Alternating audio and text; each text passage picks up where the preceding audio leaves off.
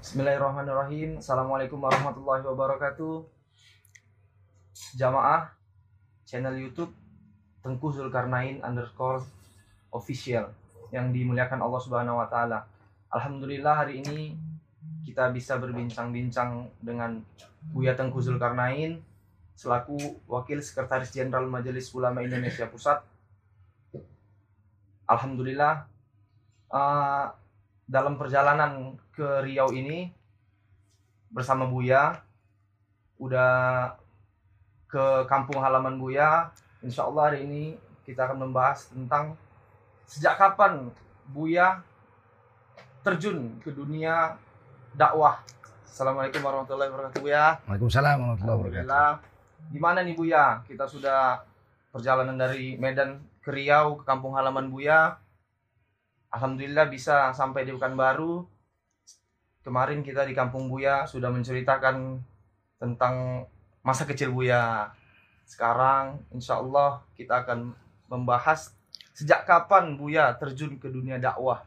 Dari mulai kapan Ya, hingga jamaah itu bisa tahu. Silakan Buya. Alhamdulillah. Wassalatu wassalam ala Rasulillah wa ala alihi wa sahbihi wa mawalah.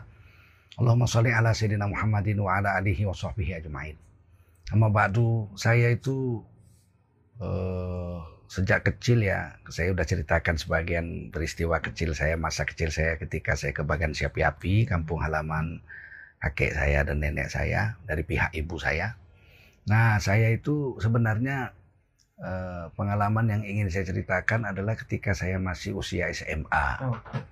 Eh, di situ saya mulai dakwah dan di situ saya mulai terjun ke masyarakat di bidang-bidang yang bersentuhan langsung dengan masyarakat yang berkaitan dengan pemupukan prestasi dan pengalaman hidup saya. Saya pikir ini yang saya ingin ceritakan ya. Saya itu dulu SMP-nya masuk ke SMP Persiapan Negeri Medan Tuntungan di zaman wali kota Soleh Arifin.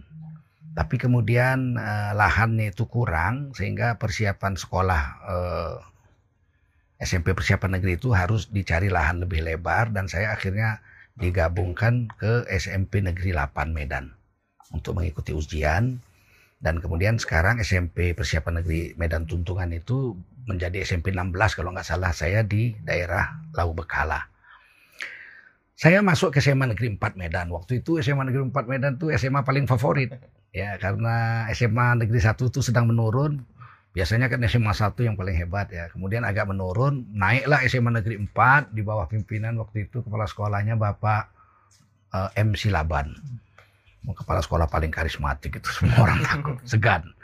Wakilnya adalah Bapak A. Hamid Gani. Yang kemudian Bapak A. Hamid Gani ini dengan saya sangat akrab, kemudian pindah menjadi kepala SMA Negeri 2 di Polonia, Medan, Medan Polonia. Dan saya waktu itu eh, sempat belakangan naik haji waktu jalan darat itu beliau ini Pak Ahmid Gani dengan istri beliau bersama ibu saya naik kapal terbang kloter terakhir dari tahun 97 tapi saya cegat 96 saya lah yang berkhidmat pada ibu saya Pak Hamid Gani dan istrinya ketika berhaji tahun 97 itu. Beliau beliau beliau jalan ja, uh, naik kapal terbang saya jalan darat. Nanti akan saya ceritakan kisah ini khusus di visi yang lain ya masa yang lain Nah, saya di SMA Negeri 4 itu uh, waktu itu pertambahan tahun. Biasanya kan uh, tiga tahun tamat, tiga tahun tamat itu uh, tamatnya bulan Desember. Tapi waktu SMP saya itu ada penambahan enam bulan karena ada mata pelajaran baru yaitu Eka Prasetya Pancakarsa. Jadi tentang 36 butir pengamalan Pancasila hingga kita ditambah enam bulan. Nah, jadinya tamatnya itu jadinya bulan Juni, tidak lagi bulan Desember. Jadi saya masuk SMA Negeri 4 Medan susah waktu itu ya. Itu yang testing itu lebih 3000 orang dan saya lulus ya termasuk dalam 100 yang terbaik waktu itu. Jadi 500 orang yang lulus ujian. Dan saya ada satu kelas 1 1 sampai kelas 1 10 mungkin waktu itu ada 10 kelas paralel. Bersama saya waktu itu Liston Sregar juara tinju SEA Games ya satu bangku dengan saya Liston Sregar Kemudian ada kawan-kawan yang lain yang uh, berprestasi juga dalam renang dan sebagainya.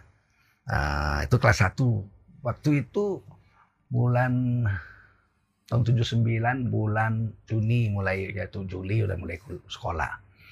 Di tahun 1980 itu uh, ketika saya masih kelas 1 bulan Desember itu saya tidak boleh ikut musabaqah tilawatil Quran oleh guru saya karena sedang tukar suara. Jadi remaja, tukar suara remaja. Saya dilarang membaca Quran berlagu karena suaranya nanti tinggi pecah, nanti suaranya rusak.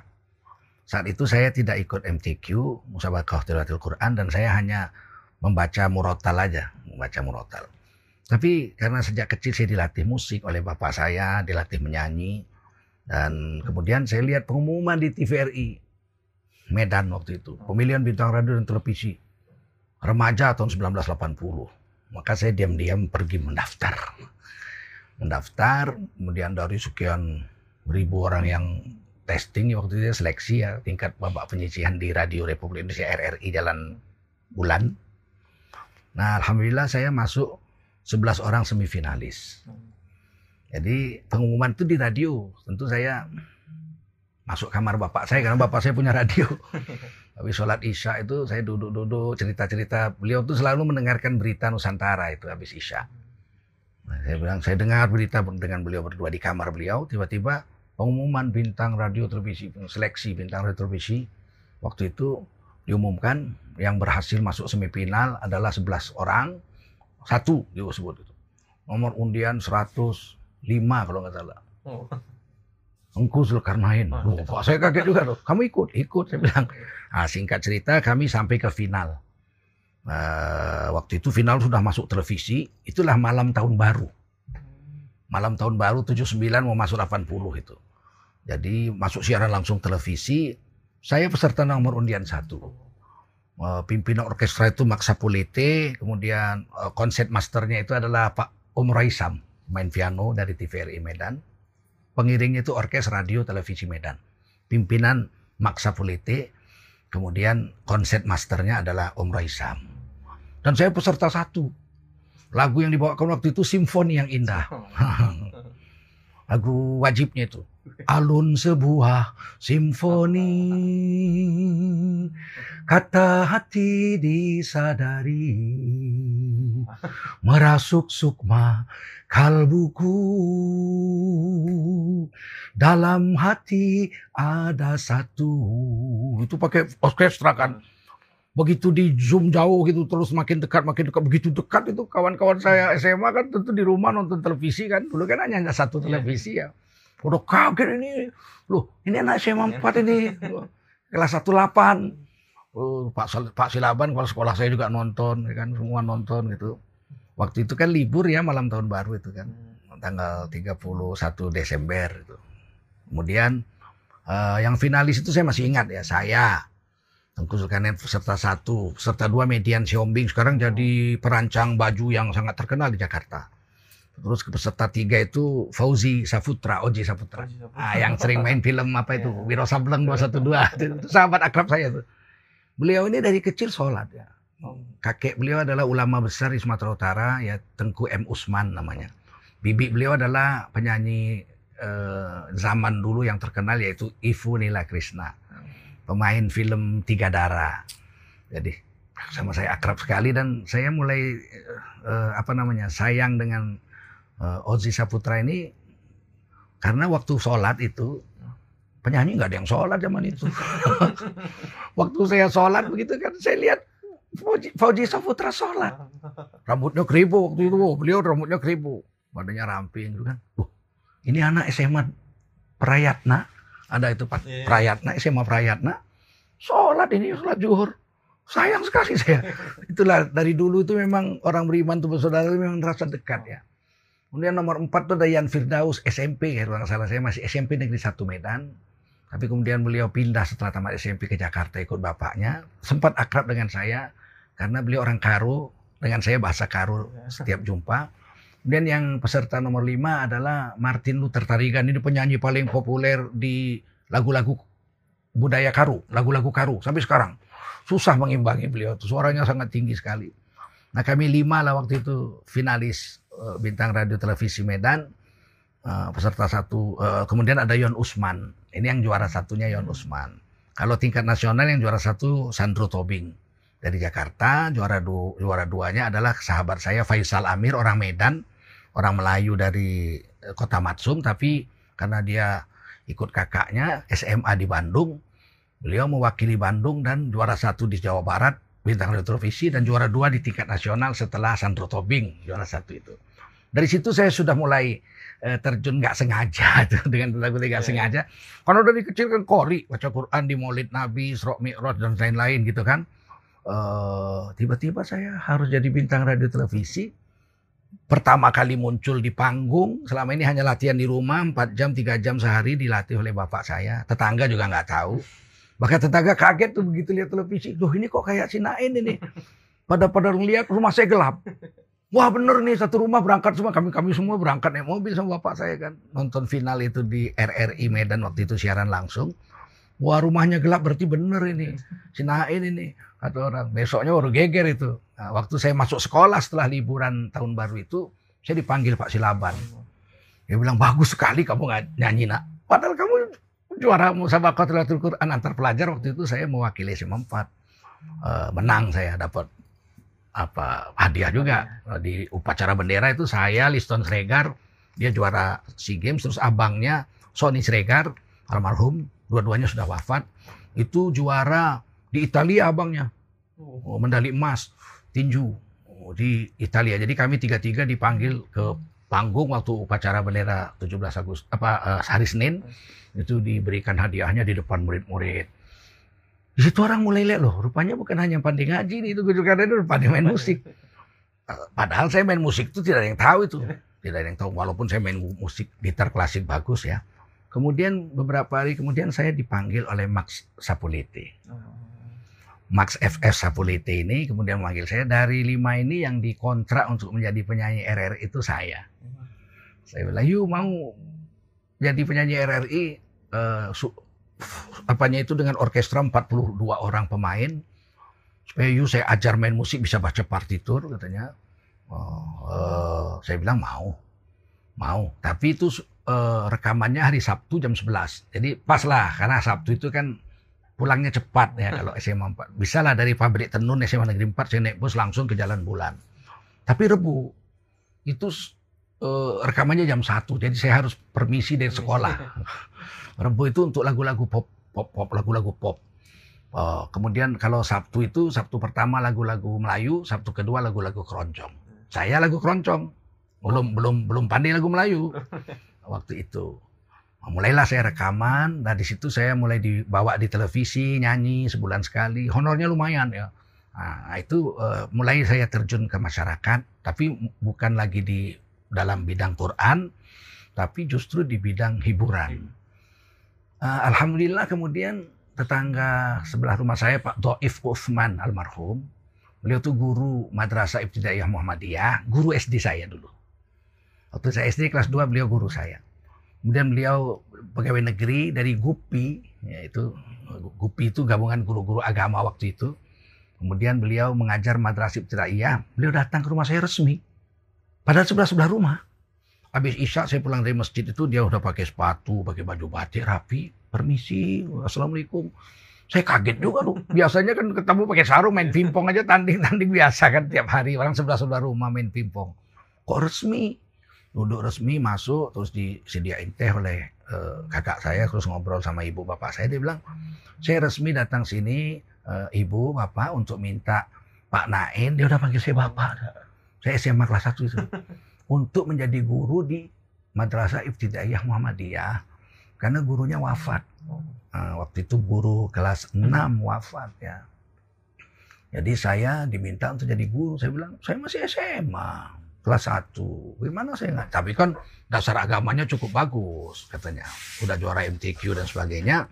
Jadi terima aja lah ini guru gitu kan. Ya saya pikir-pikirlah berapa hari.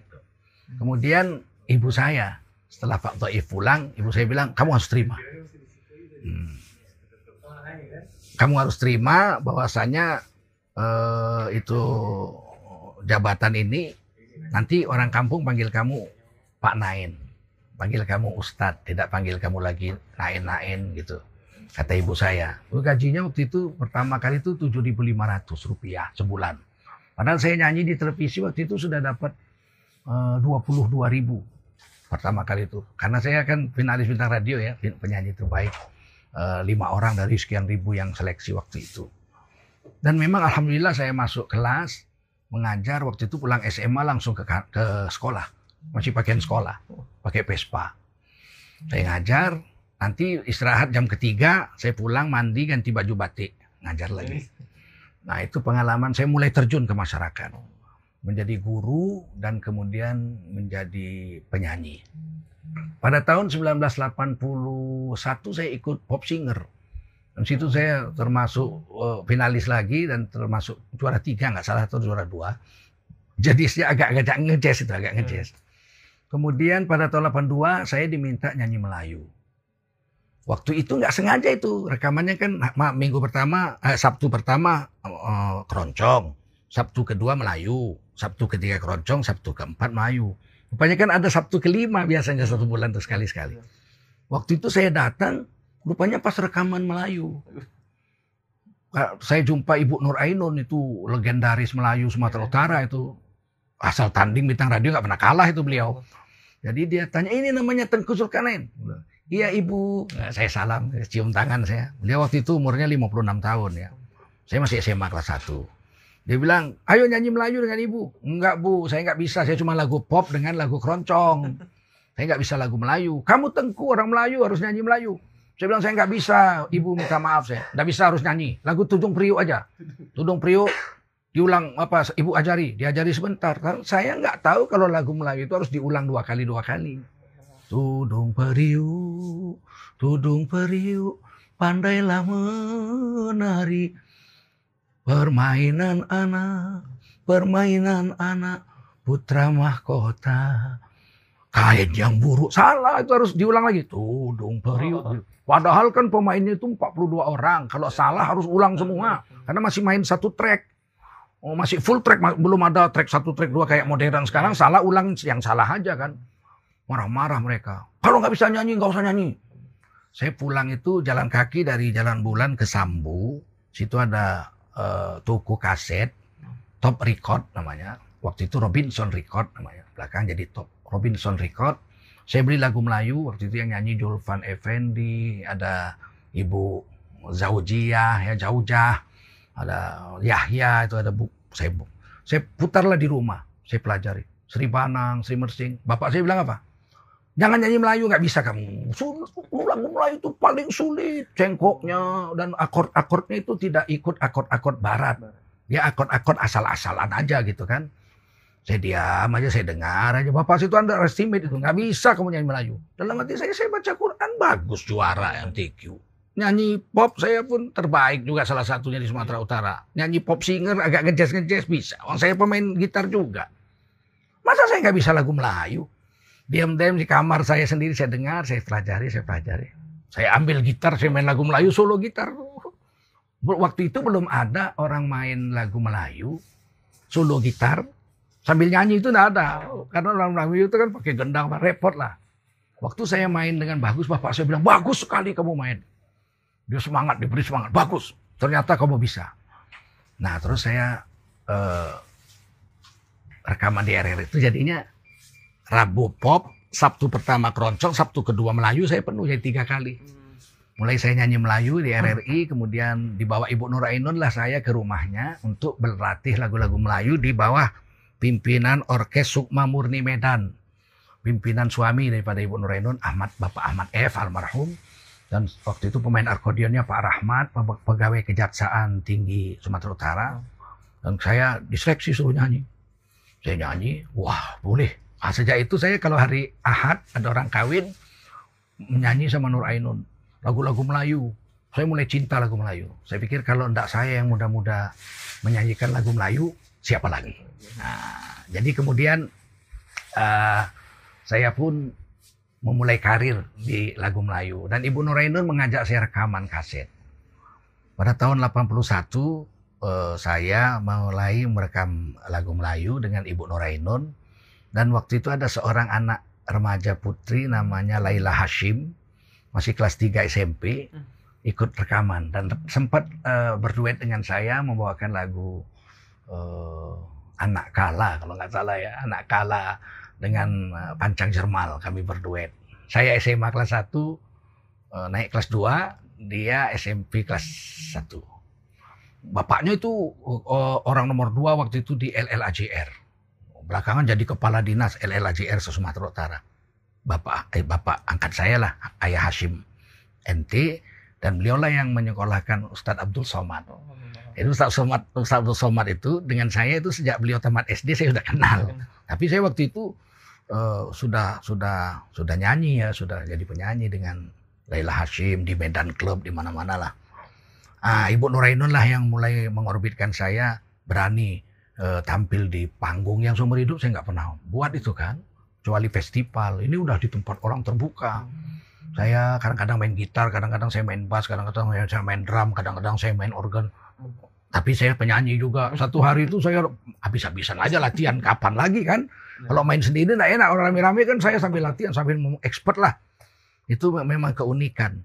Nah, pada tahun 82, 1982 saya diminta uh, ikut pertandingan festival lagu Melayu se Sumatera Utara dan saya tingkat Medan juara satu mengalahkan paman saya sendiri paman sepupu saya namanya Tengku Kemaruz Zaman itu tujuh kali berturut-turut nggak pernah kalah asal bintang radio pemilihan bintang radio televisi jurus bagian lagu Melayu Tengku Kemaruz Zaman tidak pernah kalah tujuh kali.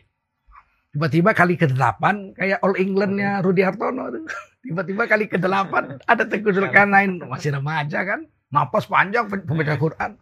Dan saya memenangkan pertandingan itu. Tengku Kamaruzaman itu tidak marah, tidak sedih. Dipeluknya saya dengan rasa bangga. Uh, bapak saya di bawah itu. Dia turun, dia bawa tangan saya. Dia panggil abang saya, Aban, abang gitu ya. Aban, uh, saya bangga karena anak sendiri sudah menang dan saya mulai besok tidak ikut festival lagi. Saya ikut festival bukan karena mau menang, karena tidak mau penyanyi Melayu dari kota Medan itu kalah di tingkat provinsi. Karena Medan ini kan uh, ada kerajaan Delhi di sini. Maka saya mewakili Medan ke tingkat Sumatera Utara dan mau juara juara satu. Oh, jadi festival lagu Melayu itu saya juara satu. Ada enam album yang sempat saya rekam dengan Ibu Nurainun. Jadi penyanyinya itu Ibu Nurainun, saya, Laila Hashim, ada satu lagi Rani. Kak Rani ini sekarang masih nyanyi di Jakarta. Lebih tua dari saya, eh, Kak Rani namanya. Sampai sekarang masih jadi penyanyi, masih nyanyikan lagu-lagu Melayu. Kami punya enam album uh, rekaman lagu. Nah itulah saya mulai terjun ke masyarakat. Biasa uh, solo gitar kadang-kadang di, dipanggil orang main dalam acara-acara di Medan Club, di Wisma Kartini atau di mana-mana lah. Ya lumayan untuk untuk nambah-nambah jajan gitu sambil bergaul dengan masyarakat. Alhamdulillah di SMA Negeri 4 itu saya disokong oleh Pak Silaban dengan dengan perhatian yang besar ya uh, kelas satu itu kami kalau asar itu sholat asarnya di bangku-bangku rusak di gudang. Ada gudang kecil tempat disimpan meja meja-meja dan bangku-bangku yang rusak. Kami sholat di meja yang tapi meja dulu kan kayu damar ya. bagus. Sholat gitu. Saya Liston Sregar uh, Epo ya saya ingat itu beberapa orang nggak sampai 15 orang. Kami sholat gitu di gudang itu. Uh, satu hari saya dipanggil ke kantor Wajahnya Pak Silaban itu tidak ada senyum. Memang orang gentar dengan beliau. Duduk. Saya duduk. Tahu salahmu? Saya bilang, saya tidak tahu salah apa Pak. Kenapa kamu harus sembahyang di atas-atas meja-meja rusak itu? Mempermalukan saya sebagai kepala sekolah. Terus saya bilang, apa salahnya kami Pak? Kami kan memang harus sholat. Saya sudah lama jadi guru. Tidak ada siswa-siswa SMA 4 yang sholat-sholat seperti kalian ini. Saya hitung cuma sekitar 10-15 orang. Tapi kami memang harus sholat Pak. Gitu. Kenapa habis pulang sekolah, kenapa nggak bisa sholat? Zuhur kami sholat di jalan Pak. Karena memang waktu sholat belum, kan masuknya jam 1. Tapi ketika asar kami pulang sudah jam 6, asar sudah lewat. Jadi kami asar tuh memang jam 4, memang waktu istirahat kedua di sekolah. Istirahat kedua itu kami gunakan untuk sholat. Karena kalau nunggu pulang, uh, sudah habis waktu. Terus Pak Sulaban bilang, panggil Pak Hasan Basri. Oh gitu. Pak Hasan Basri datang. Pak Hasan Basri, saya Pak, benarkah anak-anak ini sembahyang itu harus jam 4 sore? Kata Pak Hasan Basri, memang waktu asar itu jam 4 sore oh. Pak, di Medan kan. Ya, kenapa tidak sholatnya itu, sembahyangnya itu setelah habis pelajaran jam 6 nanti. Jam 6 terlambat Pak. Jadi mereka memang benar ini. Jadi kenapa selama ini tidak pernah diberitahu kepada saya bahwa anak-anak sekolah yang Islam itu harus sekolah, harus sholat asar itu sekitar jam 4. Diam Pak Hasan Basri itu. Kemudian Pak Hasan Basri suruh pergi, dia, dia lihat wajah saya. Berubah wajahnya itu dari begitu wajah tegang dan marah. Tiba-tiba kendor seluruh urat wajahnya itu. Dia bilang, anakku, kamu tidak usah khawatir. Tidak usah khawatir. Kamu dan kawan-kawanmu akan Bapak kasih fasilitas. Apa yang kamu minta sekarang? Dengan dengan bahagia waktu itu saya bilang, uh, saya mau gudang itu dibersihkan Pak dari bangku-bangku dan meja kosong. Nanti kami akan perbaiki lantainya, semen yang pecah-pecah. Biar itu jadi musola tempat kami sholat. Nanti kami buat ada tempat wudhunya semua. Siap, kalau begitu gak usah, kamu yang repot. Hari Senin nanti itu sudah bersih, sudah ada tempat oh, air sembayangnya semua sudah beres semua itu urusan saya. Wah langsung kami musyawarah dengan kawan-kawan besoknya terus beli tikar. Kami sembahyang udah begitu hari Senin masuk sudah bagus, kami pasang tikar dan kami sudah mulai ada azan asar. Sebagian kawan-kawan bahkan ada yang sudah azan zuhur, sholat di situ dan itulah bagi saya eh, pengalaman hidup berani terjun ke masyarakat walaupun awalnya dari eh, menyanyi, walaupun dasarnya Quran, tapi kemudian awalnya saya mulai ber, bertemu dengan masyarakat umum itu adalah ketika saya jadi penyanyi, tapi saya berani menyampaikan kebenaran kepada kepala sekolah Bapak M. Silaban, kemudian beliau memberikan musola apa itu namanya gudang. Kemudian gudang itu kami rehab sebagus mungkin. Ketika Maulid Nabi terjadi, saya ketua panitia waktu itu, bendaharanya adalah Reni, anak kepala Kakanwil, Pendidikan dan Kebudayaan Sumatera Utara Bapak Haji Ajis Paradi. Anaknya itu kawan saya pemain biola itu perempuan. Nah, so saya bilang sama dia, uh, kita ngadap Pak Silaban.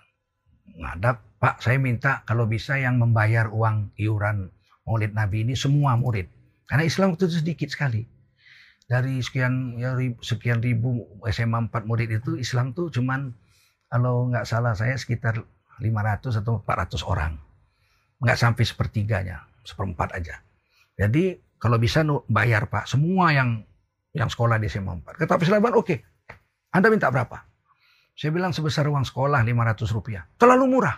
Oh. Kami kaum umat Nasrani kalau hari Natal itu 2.500. Lima kali uang sekolah dan orang Islam tidak dikutip ya. karena kami banyak. Saya waktu itu katakan tak usah Pak, saya bahagia kalau Bapak sudah perintahkan semua bayar, semua siswa kelas 1 sampai kelas 3 bayar 500 rupiah aja, duitnya udah banyak sekali lah. Saya bilang, wah kamu terlalu baik kamu katanya. Terus nggak apa-apa Pak, pokoknya saya udah bahagia. Akhirnya dibuat keputusan harus bayar, dicegat di pintu masuk sama guru-guru. Masuk, kamu nomor berapa? Kelas berapa? 500 rupiah. 500 rupiah. Bersisalah uang itu 600 ribu. Oh, uang maulid Nabi itu 600 ribu bersisa. Kemudian eh, anak Pak Paradi itu dengan ketuanya, yang lain-lain saya ada uh, Zulfikar, Epo. Epo ini belakangan pintar sekali anak ini juara dia. Dia kuliah di ITB. Kami rapat akhirnya itu musola kami rehab cantik pakai plafon, oh. lantinya dipasang keramik ya kan. Alhamdulillah sejak itu SMA 4 punya musola. Nah ketika saya tamat, adik kelas saya namanya Zulfikar. Meneruskan ini membentuk rohis di SMA Negeri 4 Medan dan saya mengajar ke situ. Kami pernah buat sekolah itu di sekolah itu sholat Idul Adha. Saya imam dan khotibnya kita sembelih satu kam, satu sapi. Kemudian oh, ada orang kaya yang kebetulan anaknya di SMA Negeri 4 waktu itu kepala eh, pajak di Sumatera Utara Jalan Diponegoro perempuan ibu itu Beliaulah yang merehab musola itu menjadi masjid. Besar sekali di SMA Negeri 4 itu dan saya mengajarkan kitab di situ, kitab Siratul Mustaqim, Sirus Salikin. Salah satu di antara murid saya itu adalah Lukman yang sekarang jadi anak saya, ikut saya dengan saya di uh, beliau tinggal di Depok ya. Di situlah saya mulai mengajar dan terjun dengan masyarakat terus. Uh, di situlah dasarnya. Saya masih ingat ya guru saya itu yang paling ditakuti itu Pak Silaban kepala sekolah, kemudian Pak Siregar guru bimbingan, yang paling lembut lunak itu adalah Pak Amit Gani Beliau kemudian jadi kepala sekolah SMA Negeri 2 Medan. Kemudian ada Ibu Latifah, uh, uh, ya ada Ibu si, si, si Tepu, guru bahasa Indonesia saya itu yang paling bagus. Ada Pak Ismail. Ismail itu guru bahasa Indonesia yang luar biasa. Kalau baca puisi depan kelas itu sangat menarik. Nah, ada Pak Marpaung, guru kimia.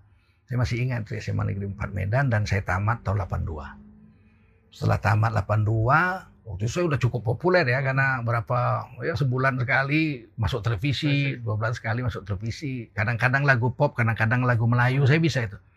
Pop Melayu. Terakhir bahkan saya bawa lagu keroncong. Eh, dan dan Om Raisa membackup saya. Dulu di Medan itu ada acara namanya Visiarama. Itu orkestra radio orkes radio televisi Medan. Di bawah pimpinan Maksa Polite, konsep masternya Om Raisam. Di Jakarta ada Iskandar, Telerama. Telerama itu konsep masternya adik beliau Isbandi. Konsep masternya Isbandi, dirijennya adalah Pak Iskandar.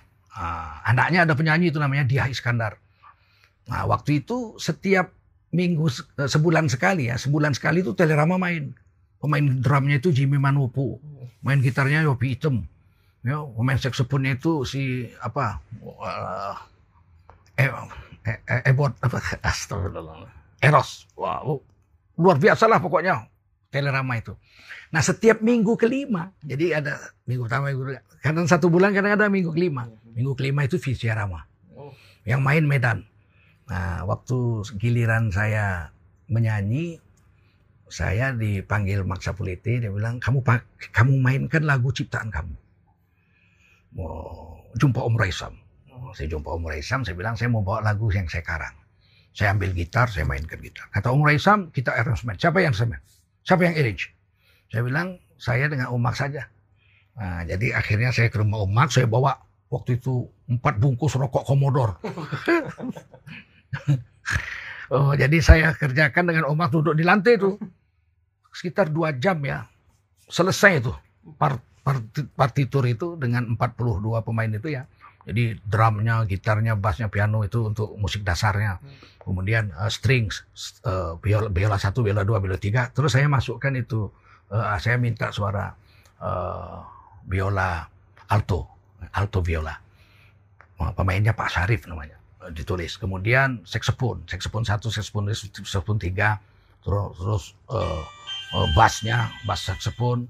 Oh, kemudian ada trom, uh, trompet satu, trompet dua, trombon satu, trombon dua, klarinet satu, klarinet dua, flute satu, flute dua. Selesai kami selesaikan dalam tempo dua jam kurang lebih lah transmen itu. Dan itulah pertama kali di mungkin di Sumatera Utara dengan orkestra yang menyanyikan lagu ciptaan sendiri. Om Raisa mendukung saya, Om Maksa Politi guru saya dalam musik juga mendukung saya. Uh, akhirnya hmm, sampai 86 ya, saya berkarir di musik itu. Ini tentang SMA Negeri 4 Medan. Dan sampai sekarang masih punya hubungan baik dengan mereka. Adik-adikan kelas saya banyak. Kemudian saya uh, nanti akan saya ceritakan kisah saya ketika saya mulai kuliah di Fakultas Sastra Universitas Sumatera Utara. Ya karena waktu itu uh, linguistik Inggris itu baru baru tahun ketiga. Sebenarnya tidak populer waktu itu orang juga jarang tahu. Dan testingnya itu harus melalui proyek Perintis satu. Waktu itu tiga kali seleksi itu. Proyek Perintis satu itu USU, UGM, uh, R, UNER, Erlangga, IPB Bogor, ITB. Itu lima nggak salah tuh. Yang yang yang Perintis satu. Baru proyek Perintis dua IKIP. Yang nggak testing Perintis dua IKIP. Kemudian yang nggak lulus itu testing di IAIN. Jadi IAIN itu dulu ya yang sudah kalah di perintis satu itu baru masuk IAIN. Waktu itu ya. Nah nanti akan saya ceritakan bagaimana dari SMA Negeri 4 Medan saya kemudian kuliah di Fakultas Sastra Universitas Sumatera Utara dan bagaimana duka-duka dan bahagianya di sana. Insya Allah kita akan lanjut pada dialog berikut. Terima kasih. Alhamdulillah. Terima kasih Buya udah menceritakan sejarah pertama kali dakwah dan terjun ke masyarakat langsung. Insya Allah kita akan berbincang lagi di waktu yang selanjutnya dengan Buya membahas tentang bagaimana suka duka dan awal dari kuliah Buya dari jurusan kuliah Buya sampai dakwah berbanding terbalik ini ya. Insya Allah akan kita ceritakan di waktu yang lain. Mungkin sekian saja video ini bagi jamaah. Insya Allah uh, like, comment, dan subscribe channel YouTube Tengku Zulkarnain underscore official. Insya Allah kita akan kembali di lain waktu. Assalamualaikum warahmatullahi wabarakatuh. Waalaikumsalam.